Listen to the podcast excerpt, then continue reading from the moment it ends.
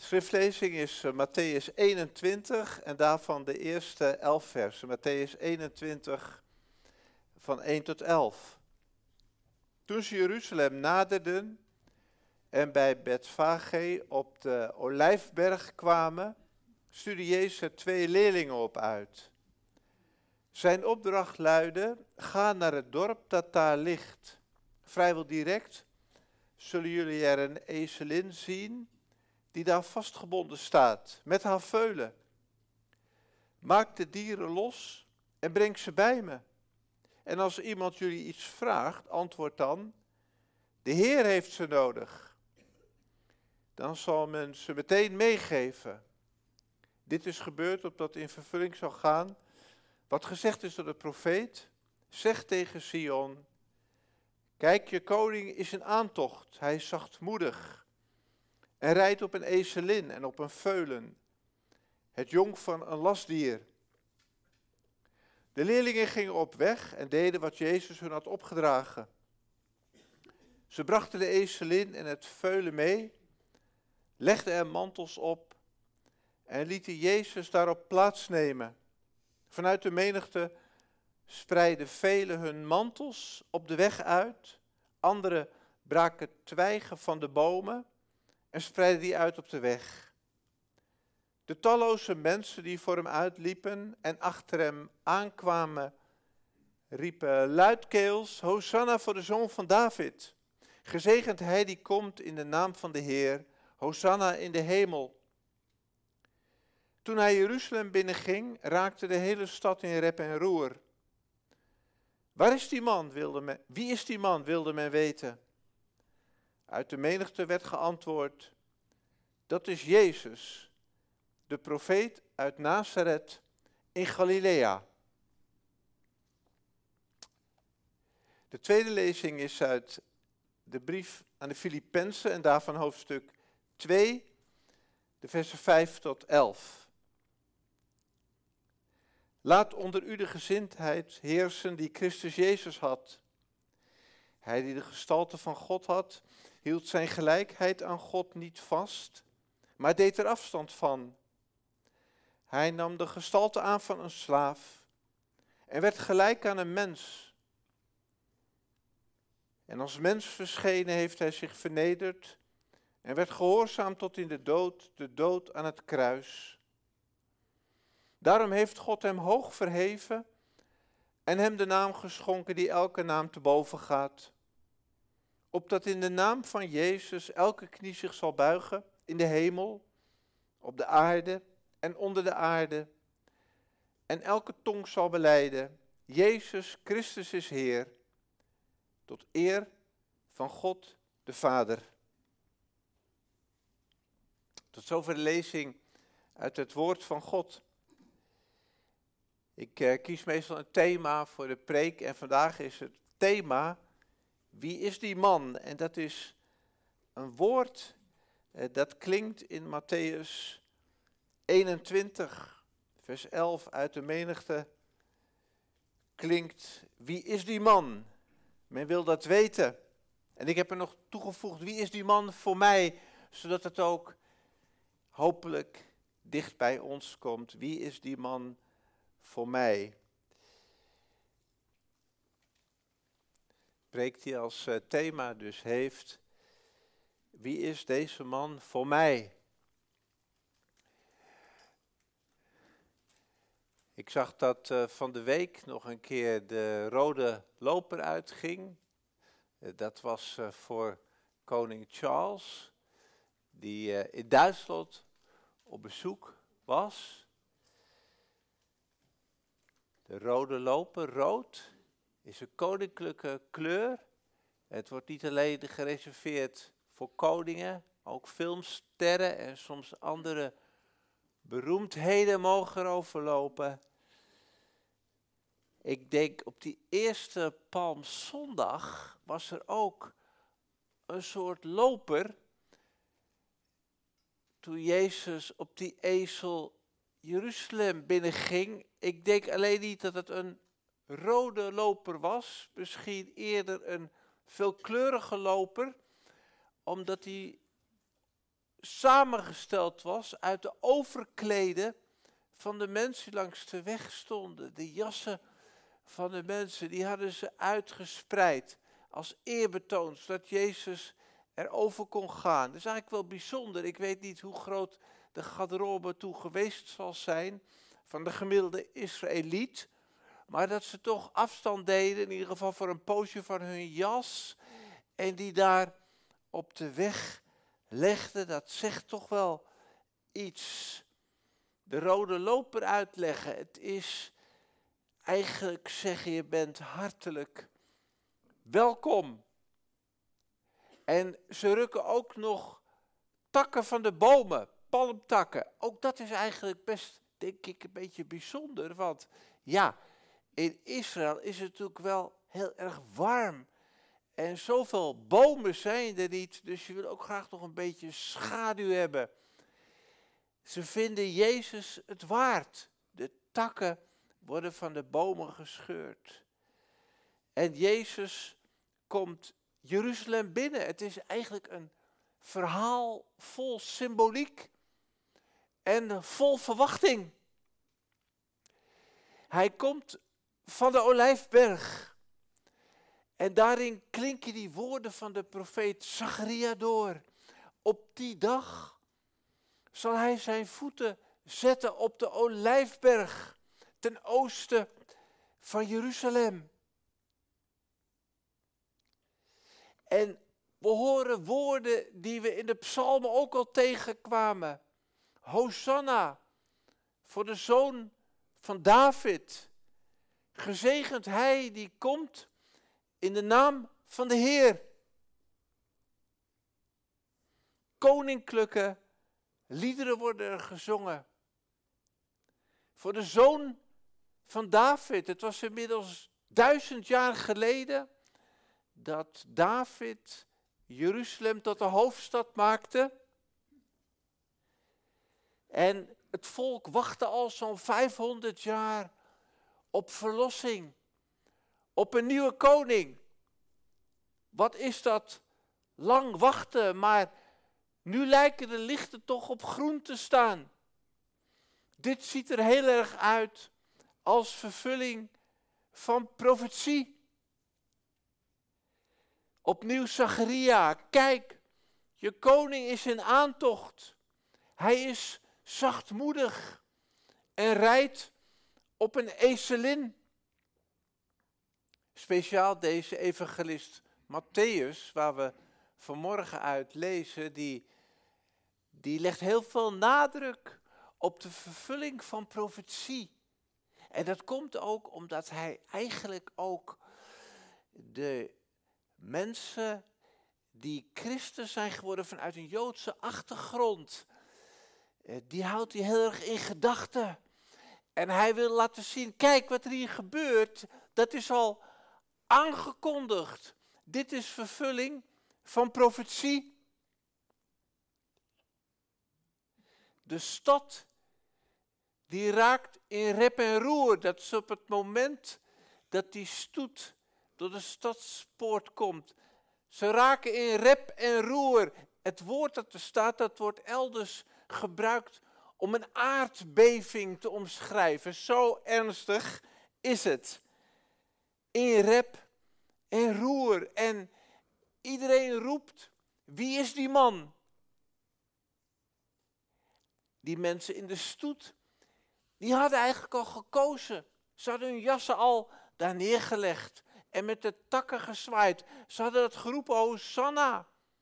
Hij die komt in de naam van de Heer, Hosanna. Dat is eigenlijk een, een gebed. Het betekent letterlijk, Heer, help toch. Een gebed uit Psalm 118. Maar hier wordt het eigenlijk ook tot een soort vreugderoep. Die mensen daar, die hadden gekozen. Die geloofden het wel, die juichten. Maar toen ze de stad binnenkwamen, waren daar toch vragen. Wie is die man? En het antwoord dat klinkt is, dit is Jezus, de profeet, uit Nazareth in Galilea. Jezus. Kijk, voor ons is dat toch wel een heel bijzondere naam. Jezus. Je zou je kind niet zo gauw Jezus noemen. Het, het, het gebeurt nog wel in Latijns-Amerikaanse landen bijvoorbeeld, gebeurt dat nog wel eens. Maar Jezus is voor ons een heel bijzondere naam. Maar in de tijd van Jezus zelf was het niet zo. Was de naam Jezus heel vaak voorkomend. Wie is die man? Als er gezegd wordt Jezus, ja, dat kan bij wijze van spreken iedereen zijn. Maar er wordt iets bijgezegd, het is Jezus de profeet. Dat zegt al heel wat meer. De profeet, dat was een van de aanduidingen voor de Messias, die in het Oude Testament al aangekondigd werd. Op een dag zal er een profeet opstaan met al die kenmerken van die Messias. De profeet, Jezus de profeet, uit Nazareth in Galilea. Ja, dat haalt zijn status dan toch weer omlaag. Want wat is nou Nazareth?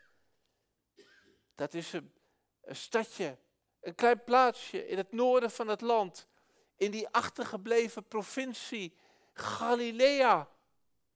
Hij rijdt hier dan wel Jeruzalem binnen, maar zijn achtergrond en afkomst is wel bedenkelijk. Wie is hij eigenlijk? Wie is die man? Twijfel? Is dit nou overtuigend? Het is wel een vraag die zich de eeuwen door steeds opnieuw voordoet. Wie is die man? Daar wordt vaak over gesproken. Heel veel mensen hebben een positieve houding ten opzichte van die naam Jezus. Je hoeft nog niet eens een gelovige daarvoor te zijn. Ja, Jezus is toch wel een, uh, een mooi voorbeeld, die dingen die hij gezegd heeft. Maar is hij het nou echt? Het valt mij op, ook in uh, kringen bijvoorbeeld, met uh, mensen die, die, die, die een beetje op zoektocht zijn of mensen die het geloof ook een beetje kwijtgeraakt zijn, dat ze vaak nog wel in God geloven. Ja, want er, er is toch wel iets tussen hemel en aarde en daar, dat kunnen ze nog wel een beetje invullen. Maar bij Jezus is het soms lastiger. Is Hij het nou echt? Jezus, de profeet, uit Nazareth in Galilea. We kunnen vanmorgen geholpen worden als we met die vraag zitten bij een lied, door een lied. Ja, door een lied. Liederen kunnen soms heel erg helpen. Ik zei hier als predikant en er is een hoop proza wat over u heen komt. Allemaal woorden. Ik denk wel eens, misschien zou ik een lied moeten zingen. Liederen kunnen soms heel erg helpen. Een lied kan je soms heel erg raken, soms meer dan woorden. In de Bijbel wordt natuurlijk ook heel veel gebruik gemaakt van liederen. Natuurlijk, de psalmen, het hooglied. Hij heeft ook het lied van Mirjam, het lied van Hanna klaagliederen. En zo zijn er nog veel meer. Ook in het Nieuwe Testament. De lofzangen van Maria, van Zacharias, van Simeon. En vanmorgen lazen we ook een lied, zomaar ineens, in die brief aan de gemeente van Filippi. Ja, Iedereen is het eigenlijk wel over eens dat dat een lied is. Dat is waarschijnlijk een bestaande hymn geweest die Paulus hier citeert in die brief aan Filippi. Nou, dan heb je het misschien, eh, nou ja, zo ruim 100 na Christus, was er al zo'n bestaand loflied op de Heer Jezus. Een lied dat al gezongen werd. Het is een geweldig lied wat eigenlijk in vogelvlucht het leven van de Heer Jezus weergeeft, zijn zending naar deze wereld. Het is een heel opmerkelijk antwoord op die vraag: wie is die man? Een antwoord van die allereerste christenen.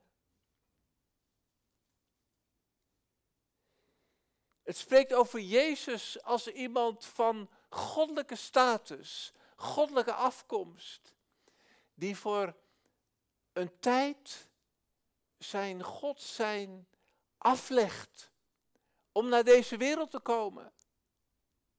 Om mens te worden, echt mens.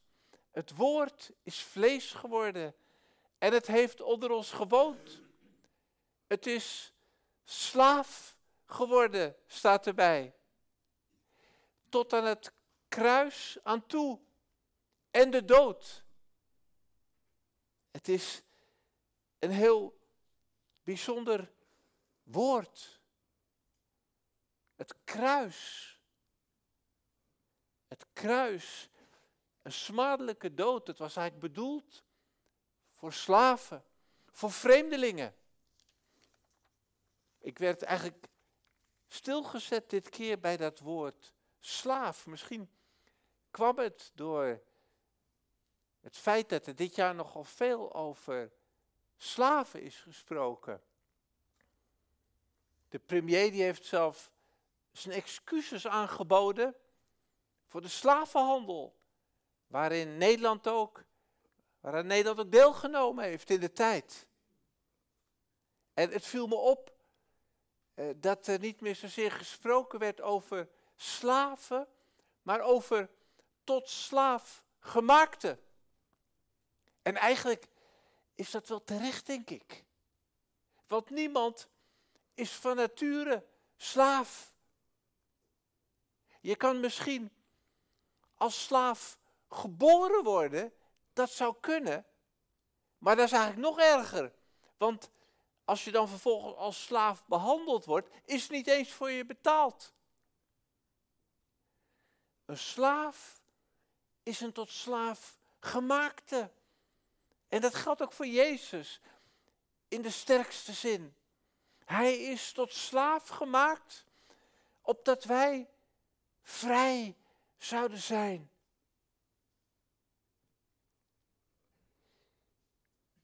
Het eindigt niet dat lied met de dood. Je hoort van de opstanding, van de hemelvaart, van de Heer Jezus die zijn plaats inneemt ter rechterhand van de Vader. Van de vernedering gaat het naar de verhoging. En er wordt veel nadruk gelegd op die naam die hij krijgt. Een eretitel. Een naam boven alle namen verheven. En wat is die naam? Die naam is Curios in het Grieks. Curios, dat betekent Heer. Opdat in de naam van Jezus elke knie zich zou buigen en elke tong zou beleiden, Jezus Christus is Heer, tot eer van God de Vader. Dat is een heel bijzondere beleidenis. Als je zegt, hoe kan je het christelijk geloof in drie woorden samenvatten? Je kan het straks nog even aan je kinderen vragen. Als je nou het christelijk geloof in drie woorden moet weergeven, dan is het Jezus Christus is Heer. Het is vier woorden. Jezus Christus is Heer. En het is eigenlijk, die titel Curios is eigenlijk nog meer dan een eretitel. Want het verbindt Jezus met die meest karakteristieke naam van God zelf.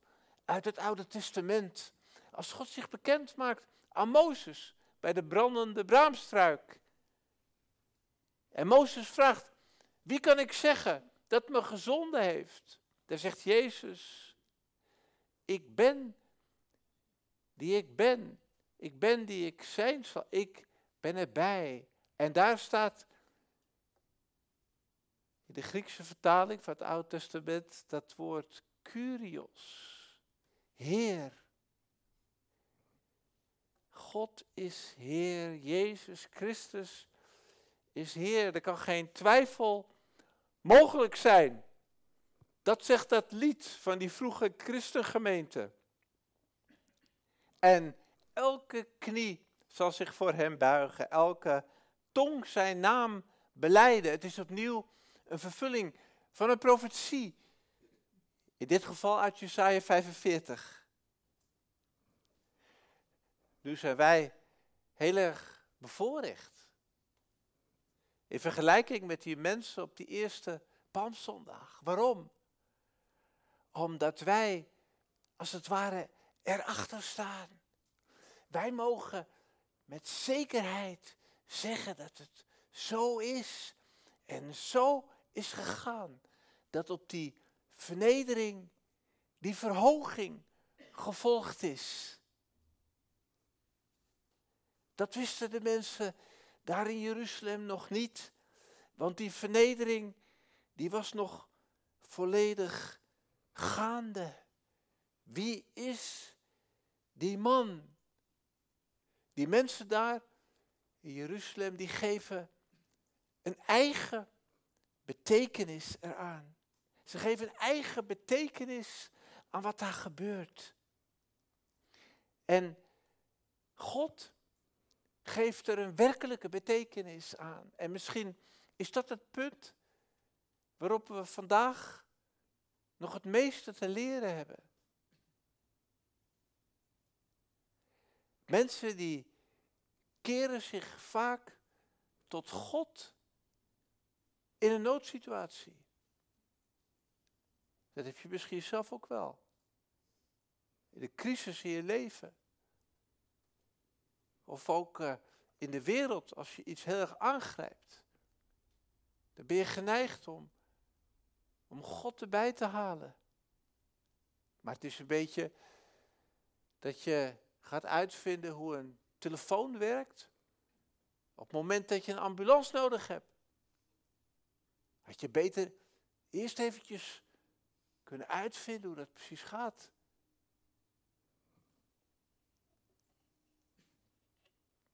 Kerkgang en geloof dat neemt nogal eens toe in noodsituaties. En dan om in de woorden van dit verhaal te blijven, dan zien we Jezus Christus graag als koning binnenrijden. Graag als het soort koning dat wij ons voorstellen.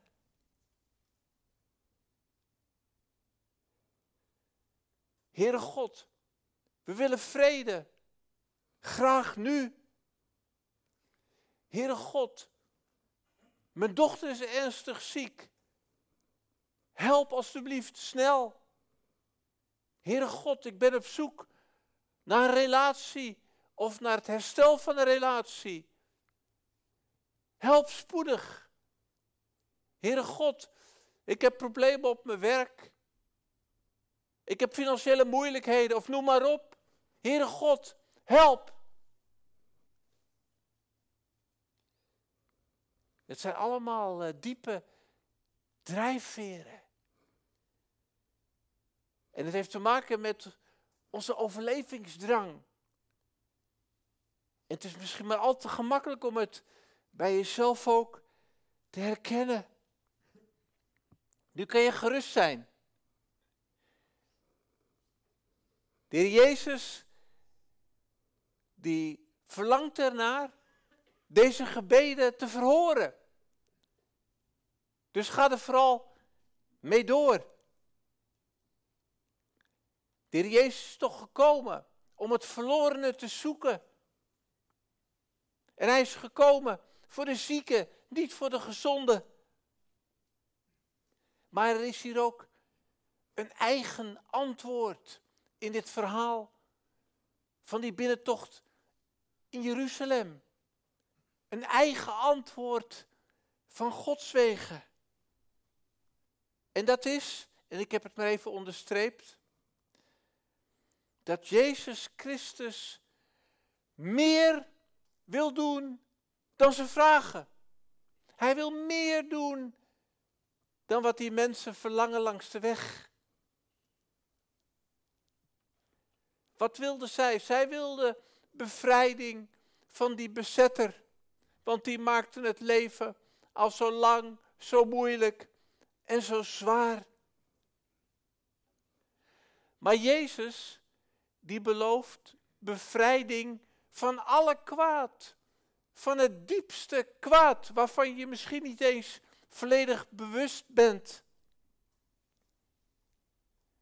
En daarom, we laten onszelf misschien soms misleiden door onze verlangens aan de oppervlakte, om het maar eventjes zo te zeggen. Aan de oppervlakte van ons leven, waar we ons het meest van bewust zijn. Zonder dat we ons laten leiden door onze behoeften op het allerdiepste niveau. Er kan een kortsluiting zitten tussen onze diepste behoeftes en dat waar we in de praktijk van ons leven tegenaan lopen. Jezus komt voor onze diepste behoeftes. Hij wil ons van binnenuit opnieuw opbouwen, vernieuwen, totaal vernieuwen.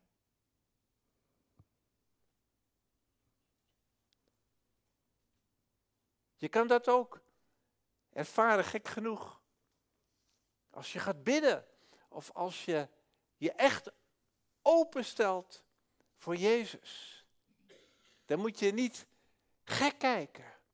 Als Jezus ook nog een veel grondiger werk gaat doen van binnenuit dan dat je gedacht had.